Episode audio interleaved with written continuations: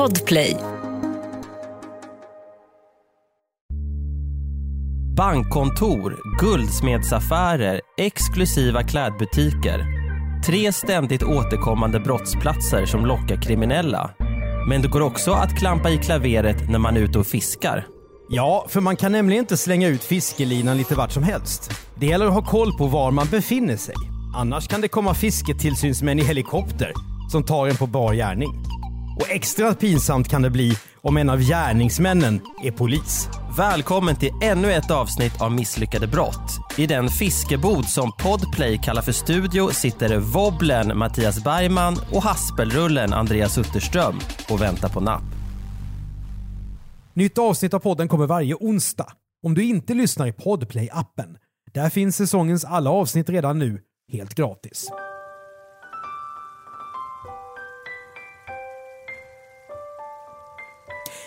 Yrkesfiskare har vi inte längre så många kvar av i Sverige. Men fritidsfiskarna är desto fler. Och 2020 fanns det 1,7 miljoner svenskar som då och då tar med sig sina spön ut i naturen för att testa lyckan. Kanske är detta ett gäng snåljåpar som hoppas på gratis middag under förevändning att få en trevlig naturupplevelse. Kanske... Vänta nu här Mattias, jag måste bara bryta in här för att eh, jag är ju huvudförfattare till det här Ja. eh, manuset. Nu, nu ser jag här då att du har varit eh, och eh, så att säga eh, bidragit med lite krydda här och då Mm. tycker jag mig märka att du är en person som inte fiskar. Eh, är jag rätt ute? Nej, det, det är du ju. Jag, Ja. jag tänkte att jag skulle tillföra lite kontext till svenska, den svenska fiskenäringen. Ja men det har du också gjort Det- på ett väldigt bra sätt. det märks för övrigt- som jag inte hade. Det märks för övrigt även på andra sätt i manus att ingen av oss två fiskar, men det kommer lyssnarna kanske att märka. Eh, du menar att, jag, att, jag, att det är massa faktafel? Nej, det vet jag inte, men manus. man känner att vi kanske inte riktigt bottnar i ämnet. Eh, pun intended. Okej, vi går vidare. Eller så är fiskare kanske bara ett gäng introverta som hellre står i iskallt vatten upp till ljumskarna och skriker “Stör inte fisken!” Till sina kompisar istället för att ha ett vettigt utbyte med dem. Hur som helst, en sak om den vedervärdigt tråkiga fiskehobbyn som är belagd är att den mestadels lockar män. Som kompisarna Glenn och Kristoffer från södra Sverige. De bestämmer sig för att tillsammans med Robert och en fjärde person resa norrut för att fiska. Först har de här fyra vännerna ansökt om att få fiska i kvoterat vatten i Tavaetno väster om Karesuando. Kvoterat vatten, ja, det är alltså ställen där Länsstyrelsen har begränsat fiskedygnen och där det krävs särskilt tillstånd. Men när det visar sig att det inte finns någon röding i Tavaetno, då börjar Glenn fundera på att fiska i Kiruna-trakten istället. Så han fortsätter att göra research. Glenn kontaktar ett helikopterbolag för att kolla hur det ser ut vid sjön Geargejavri norr om Kiruna. Ska vi säga att det är reservation för uttal här eh, Ja, eftersom gud, vi ja. är inte så bevandrade i, i eh, den här typen av platser. Vi ber om ursäkt. Ingen behöver känna sig kränkt om vi uttalar namn fel här. Nej, Orter, nej, vi kan platser. redan på förhand be om ursäkt till alla som är födda norr om Umeå. Att vi är inte riktigt Ja. hemma där. Eller norr om Sundsvall. Ja, till och med det. Ha- Härmed säger vi ursäkt i, i förebyggande syfte. Det är som en sån här eh, man pratade om Trump skulle kunna ge sig själv en förebyggande presidential pardon. Det är vad vi gör nu kan man säga. Ja, bra liknelse. Mm. Glenn ringer alltså till helikopterbolaget för att kunna eh, kolla upp den här sjön då, som jag inte vill uttala en gång till. Norr om Kiruna är vi. Han får beskedet att där det finns det gott om röding. Så Glenn föreslår att killarna nu ska åka dit istället. Vännerna håller med, så resan bokas och i juli 2020 så bär det av. Väl framme i Lappland köper killarna fiskekort på helikopterbasen. Sen ger de sig iväg ut i vildmarken. De har tänkt på allt. Förutom inköp av fiskekort har de före avfärd också gjort research på Länsstyrelsens sajt. Och de har med sig all utrustning som kan behövas. Och när man säger all utrustning när det handlar om fiske, då tar det liksom aldrig slut. För det här är ju inte bara en manlig hobby, utan därmed också en materialsport. Just det, och jag har ju faktiskt fiskat, eh, det här känner du kanske inte till, väldigt mycket som barn. Och det var också konstant tjuvfiske, det kan jag nu berätta för att det är preskriberat. Vi fiskade nämligen i Fogdhyttetjärn utanför Nora där min eh, pappa är uppväxt och fiskade som barn. Dit åkte vi alltid och tjuvfiskade och drog upp eh, en och annan gädda eller abborre eller någon brax eller vad det heter som fick ges till grannens eh, katt. Eh, men då, det var ingen liksom materialsport. Det var mer eh, eh, vardagsspänning, se om man kan få någon fisk. Ännu en av dessa scener från den Utterströmska uppväxten. Ja, precis. Mm. Det blir en, eh, om det någon gång görs en film om min uppväxt, då är det här en, en, en, Ja, en lång scen där det panoreras in med drönare Ja. Över Fogd till Tjärn. Ja men det är det ju och det kanske är den scenen där du då till pappa Lennart, där du liksom kommer ut eller så. När ni har någon form av försonande snack. Ja, eller något sånt där övertydligt så här. man måste vara tålmodig och vänta tills Ja. man får napp. Och sen så här, spola framåt 40 år så sitter jag Ja. med mitt podd om Imperium Commercial Content och säger till, till eh, mina medarbetare, man måste vänta tills man får napp. Ja, just det. Och Ja. jag tror att Lennart spelas av Tom Hanks. Faktiskt. Han ser, han ser så bra ut vid den där kärnen, tror jag.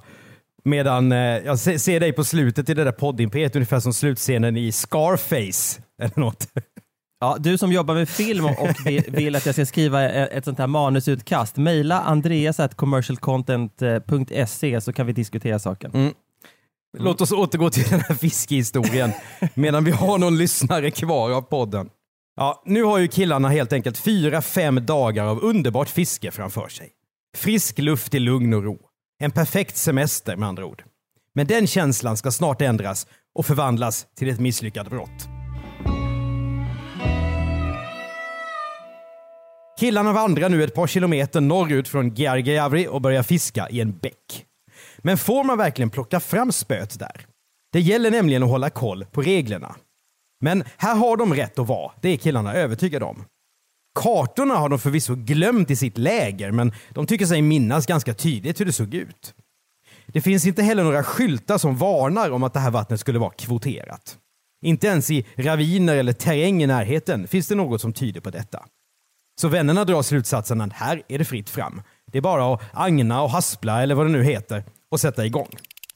Men efter att ha fiskat en stund hör killarna det omisskännliga ljudet av en helikopter i fjärran.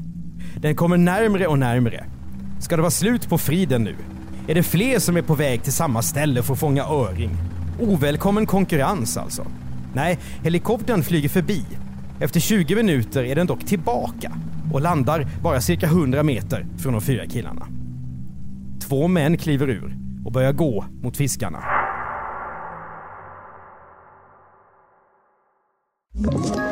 Ett poddtips från Podplay. I fallen jag aldrig glömmer djupdyker Hasse Aro i arbetet bakom några av Sveriges mest uppseendeväckande brottsutredningar. Går vi in med hemlig telefonavlyssning och, och då upplever vi att vi får en total förändring av hans beteende. Vad är det som händer nu? Vem är det som läcker? Och så säger han att jag är kriminell, jag har varit kriminell i hela mitt liv men att mörda ett barn, där går min gräns. Nya säsongen av Fallen jag aldrig glömmer på Podplay. Glenn lägger ifrån sig spöet, går fram till dem och presenterar sig. Männen visar sig vara fisketillsynsmän, förordnade av Länsstyrelsen. De frågar om Glenn har fiskat och det säger han att det, det stämmer ju. Männen ber då om att få se fiskekortet, vilket Glenn också glatt visar upp. Och Andreas, jag tänker här, helikopter med fisketillsynsmän. Vilken välfärdsstat Sverige är alltså. Ja, ja, det får man väl ändå säga och också att de här, de är ju någon slags, de, jag tror att de gör det här på någon slags frivillig basis om jag inte minns fel. Alltså de har fått någon slags utbildning tror jag, sen gör de det här på fritiden på något vis. För De är förordnade av Länsstyrelsen så de är inte anställda. Säger också någonting om Sverige där folk är beredda att eh, lägga mycket tid på att värna om eh, eh, naturen och det, och det säger jag helt utan ironi. Det, Mm. det menar jag att det är någonting fint, så det är väldigt svenskt på, även i det avseendet. Jag håller med och det är ju fantastiskt. Och jag tänker särskilt att när vi bandar det här avsnittet så är det samma vecka som vi har sett ett, ett spioneritillslag i Stockholm. Där Försvarsmakten har, har varit med med Apache-helikopter.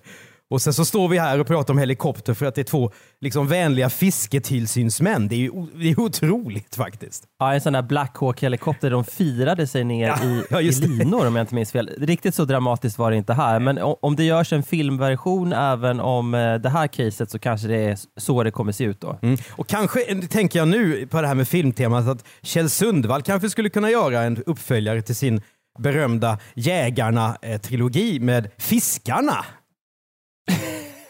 Vad tror du om, om den spinoffen?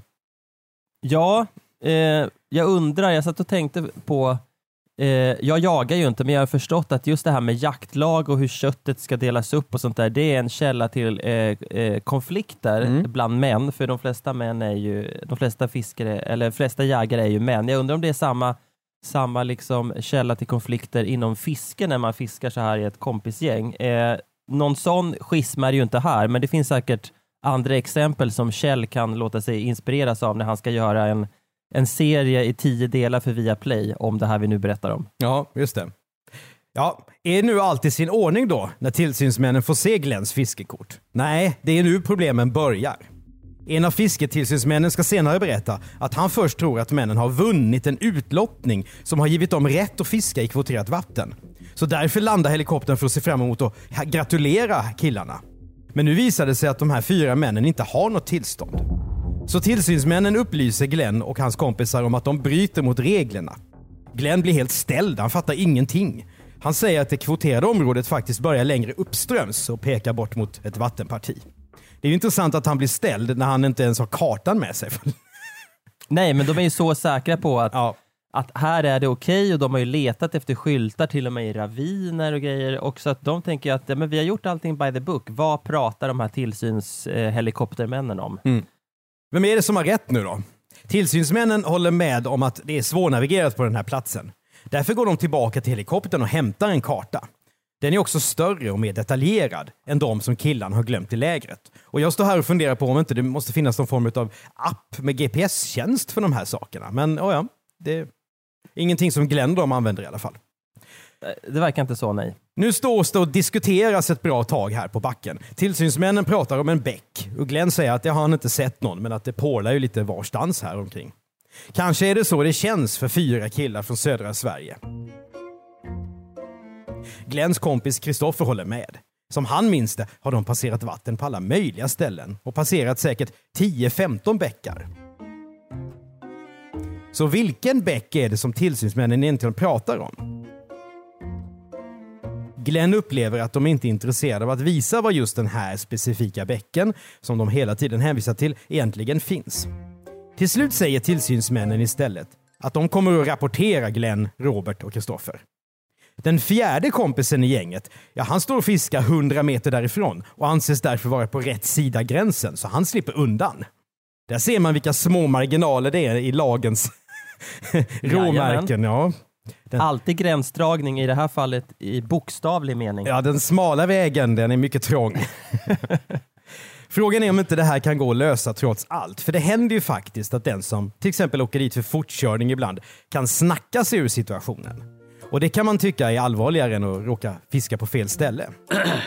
Glenn upplever också att den ena av tillsynsmännen är ganska förstående och egentligen vill se mellan fingrarna på det som har inträffat. För handen på hjärtat, hur allvarligt är det här? Alltihop är ju ett misstag. Killarna har fiskekort och allt. De har försökt att göra det här by the book. Men den andra tillsynsmannen står på sig och verkar vara lite mer bestämd än den första. Fiskarna har helt enkelt haft otur och stött på en paragrafryttare med ett hjärta av sten. Diskussionen fortsätter. Men det hela slutar med att tillsynsmännen tar fiskeutrustning för 10 000 kronor i beslag. Vilket ju för, säkerligen är en promille av vad de har med sig i kostnad i och för sig. Sannolikt Mm. så ja. Stämningen är inte på något sätt aggressiv. Men det berättas senare att det är inte heller några glada miner direkt. En stund senare bestämmer sig tillsynsmännen för att flyga därifrån.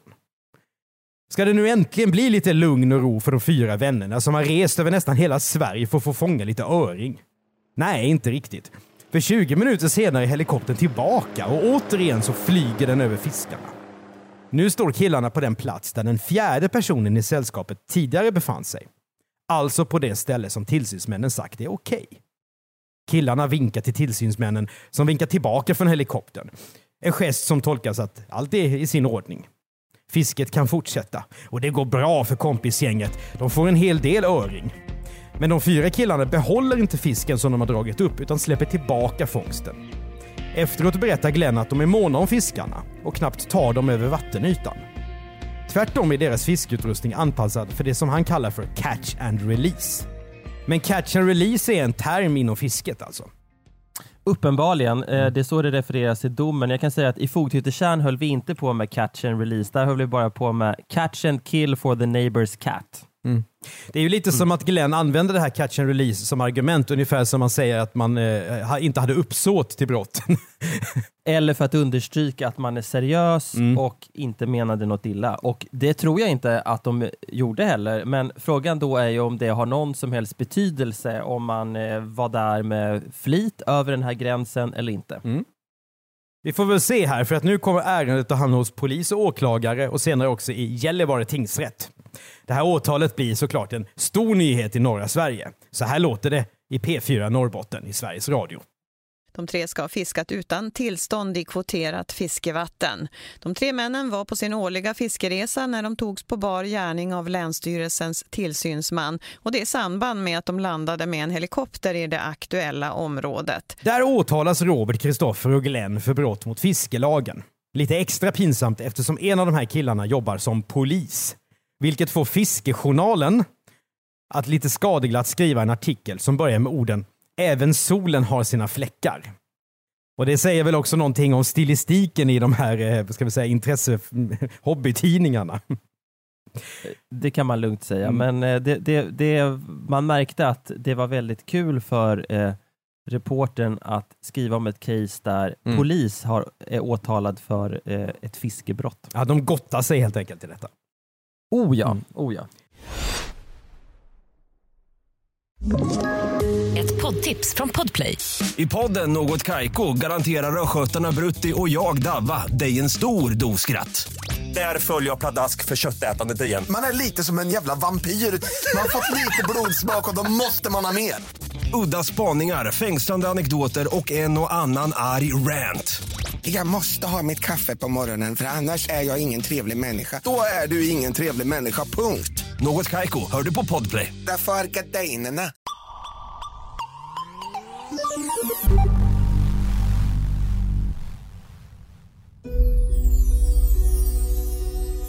Nu ska det hela alltså redas ut i tingsrätten.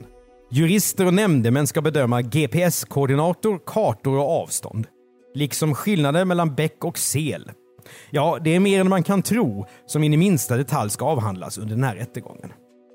De tre fiskeglada killarna står fast vid att de inte har gjort något fel. I rätten säger Kristoffer att han inte vill påstå att tillsynsmännen ljuger, men att hans uppfattning ändå är att markeringen om var killarna har befunnit sig är felaktig. Okej.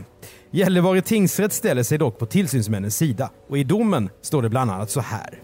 Den som fiskar är skyldig att känna till bestämmelser som gäller för det vatten man fiskar i. Som de erfarna fiskare de är så måste det varit uppenbart för Glenn, Kristoffer och Robert att vattendraget där de fiskade inte var en smalare bäck utan bredare och med karaktär av ett sel. Ja, här kommer alltså den där förbannade bäcken igen och ställer till det. Gällivare tingsrätt fäller alla tre killarna i maj 2021. De döms till dagsböter. Robert tvingas betala 10 200 kronor, Kristoffer 10 800 kronor och Glenn 12 300 kronor. Att beloppet varierar beror på att det baseras på hur mycket killarna tjänar. Det här motsvarar ungefär 10 svenska fjällrödingar per person då, i dagens penningvärde. Ah, det har du skrivit till Mattias. Bra, bra bonusinfo. Ja men det är viktigt det här med penningvärdet, i synnerhet nu när vi har inflation.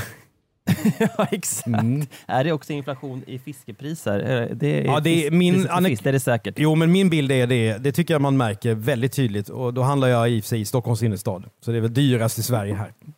Ja. Men eh, Robert, Kristoffer och Glenn är inte nöjda med det här utan överklagar domen till hovrätten för övre Norrland. Vilken i juli 2021 meddelar att målet inte tas upp. Böterna från tingsrätten står fast. Och notan för den här fisketuren blev alltså betydligt högre än vad killarna från början hade budgeterat för. 10 000 spänn Andreas, det, vad är det? Två wobblers eller något? Två drag eller en halv Ja. tamp eller hasp eller tasp eller vad det nu heter. Ja, om man köper wobblers av guld kanske det är två wobblers. Eh, men eh, det var länge sedan jag köpte fiskeutrustning så att jag, jag kan inte ge något bra inspel där. Möjligen är det en liten tröst för killarna att de inte är ensamma om att ha dömts för brott mot fiskelagen efter att ha blivit tagna på bar gärning. Låt oss göra en liten exposé över andra misslyckade fiskebrott. 2008 då åker en 63-årig man fast vid Gislarboån utanför Kolsva. Han har gått dit vid femtiden på morgonen för att olagligt fiska kräftor och det känns ju som ett liksom klassiskt svenskt brott faktiskt. Väldigt svenskt brott ja. Men det 63-åringen inte vet är att någon har sett honom när han har lagt ut 40 kräftburar i ån kvällen före, vilket också klassiskt såklart. Därför har den här eh, personen då valt att rapportera 63-åringen. Så plötsligt så dyker poliser, som bokstavligt talat då har legat på lur i vassen på natten, upp och tar honom på bar gärning. Mm. En annan fiskare, en 68-årig man, han går samma öde till mötes sommaren 2019. Efter att han har lyssnat på sin läkares ordinationer om att han ska vara ute mer i naturen. Så att 68-åringen går, han ger sig ut och fiskar i Eskilstunaån tillsammans med en kompis. Men där blir han påkommen av en tillsynsman. 68-åringen nekar till brott, men kartor, foto av förbudsskylten och fiskeredskapet som han har använt, de läggs fram som bevis under rättegången som slutar med fällande dom och 1500 kronor i böter. Att det här fiskandet var ett slags medicin, alltså ordinerat av läkare, det räcker då inte för att slippa undan. Men sen har vi också här i Misslyckade brott i vår fjärde säsong av podden berättat om gösmaffian som torskade. Det var dock ett brott i en helt annan skala. En polisutredning som slutade med husrannsakan där polisen tog 100 kilo gös, 69 kilo vitfisk och 73 levande kräftor i beslag. Det var ingen catch and release där inte. Det var ett roligt Nej, det- case att skriva om faktiskt. I södra Ja, och- Sverige ägde det här rum. Ja, jag minns att jag reagerade på den här mängden när vi höll på och jobbade med det här avsnittet, men jag studsade till lika mycket den här gången och bara liksom försökte se framför mig när liksom de kommer till polisstationen med det här beslaget. 100 kilo gös och 73 levande kräftor som ju då man måste göra någonting med. Ja, jag kommer ihåg domen än idag för att det var bilder därifrån på de här frysboxarna och jag tror det var åtta eller nio personer som stod inför rätta. Det var ju en Ja, det var ju verkligen en gösmaffia så, som tjuvfiskade upp en, typ en halv sjö och sen åkte upp Ja. till fiskaktionen i Göteborg då och sålde den som liksom grossistfisk. Nej, Ja, så, inte vackert. något, helt, något helt annat än de här killarna vi berättar om i, i det här eh, avsnittet, för det var ju, menar, de plockar ju inte ens upp fisken. Nej, men man kan ju inte komma undan brott bara för att man är en klant. Nej, Och det är sant. Ja. Den av våra lyssnare som nu känner sig lite orolig över att fritidsfisket av misstag ska sluta med ett misslyckat brott kan då med fördel läsa på om lagar och regler på www.svenskafiskeregler.se vilket är en eh, sajt som Länsstyrelsen står bakom. Sen gäller det förstås att man inte ska glömma bort kartan då i lägret och hålla koll på de här bäckarna. Och så kan man ju minnas de uppfordrande orden från domen i Gällivare tingsrätt. Vid osäkerhet får man avstå från att fiska.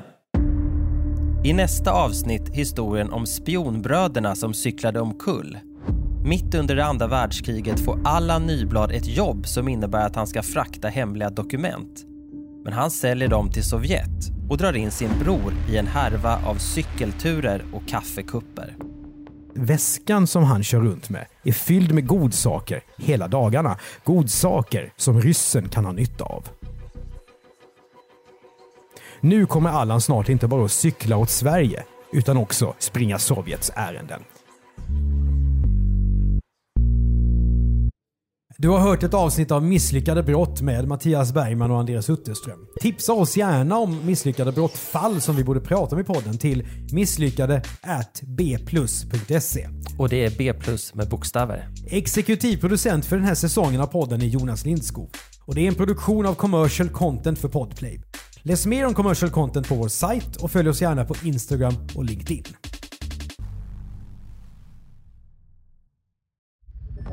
Podplay, en del av Power Media. Poddtips från Podplay. I podden Något Kaiko garanterar östgötarna Brutti och jag, Davva, dig en stor dos skratt. Där följer jag pladask för köttätandet igen. Man är lite som en jävla vampyr. Man har fått lite blodsmak och då måste man ha mer. Udda spaningar, fängslande anekdoter och en och annan arg rant. Jag måste ha mitt kaffe på morgonen för annars är jag ingen trevlig människa. Då är du ingen trevlig människa, punkt. Något Kaiko, hör du på Podplay. Därför är gardinerna.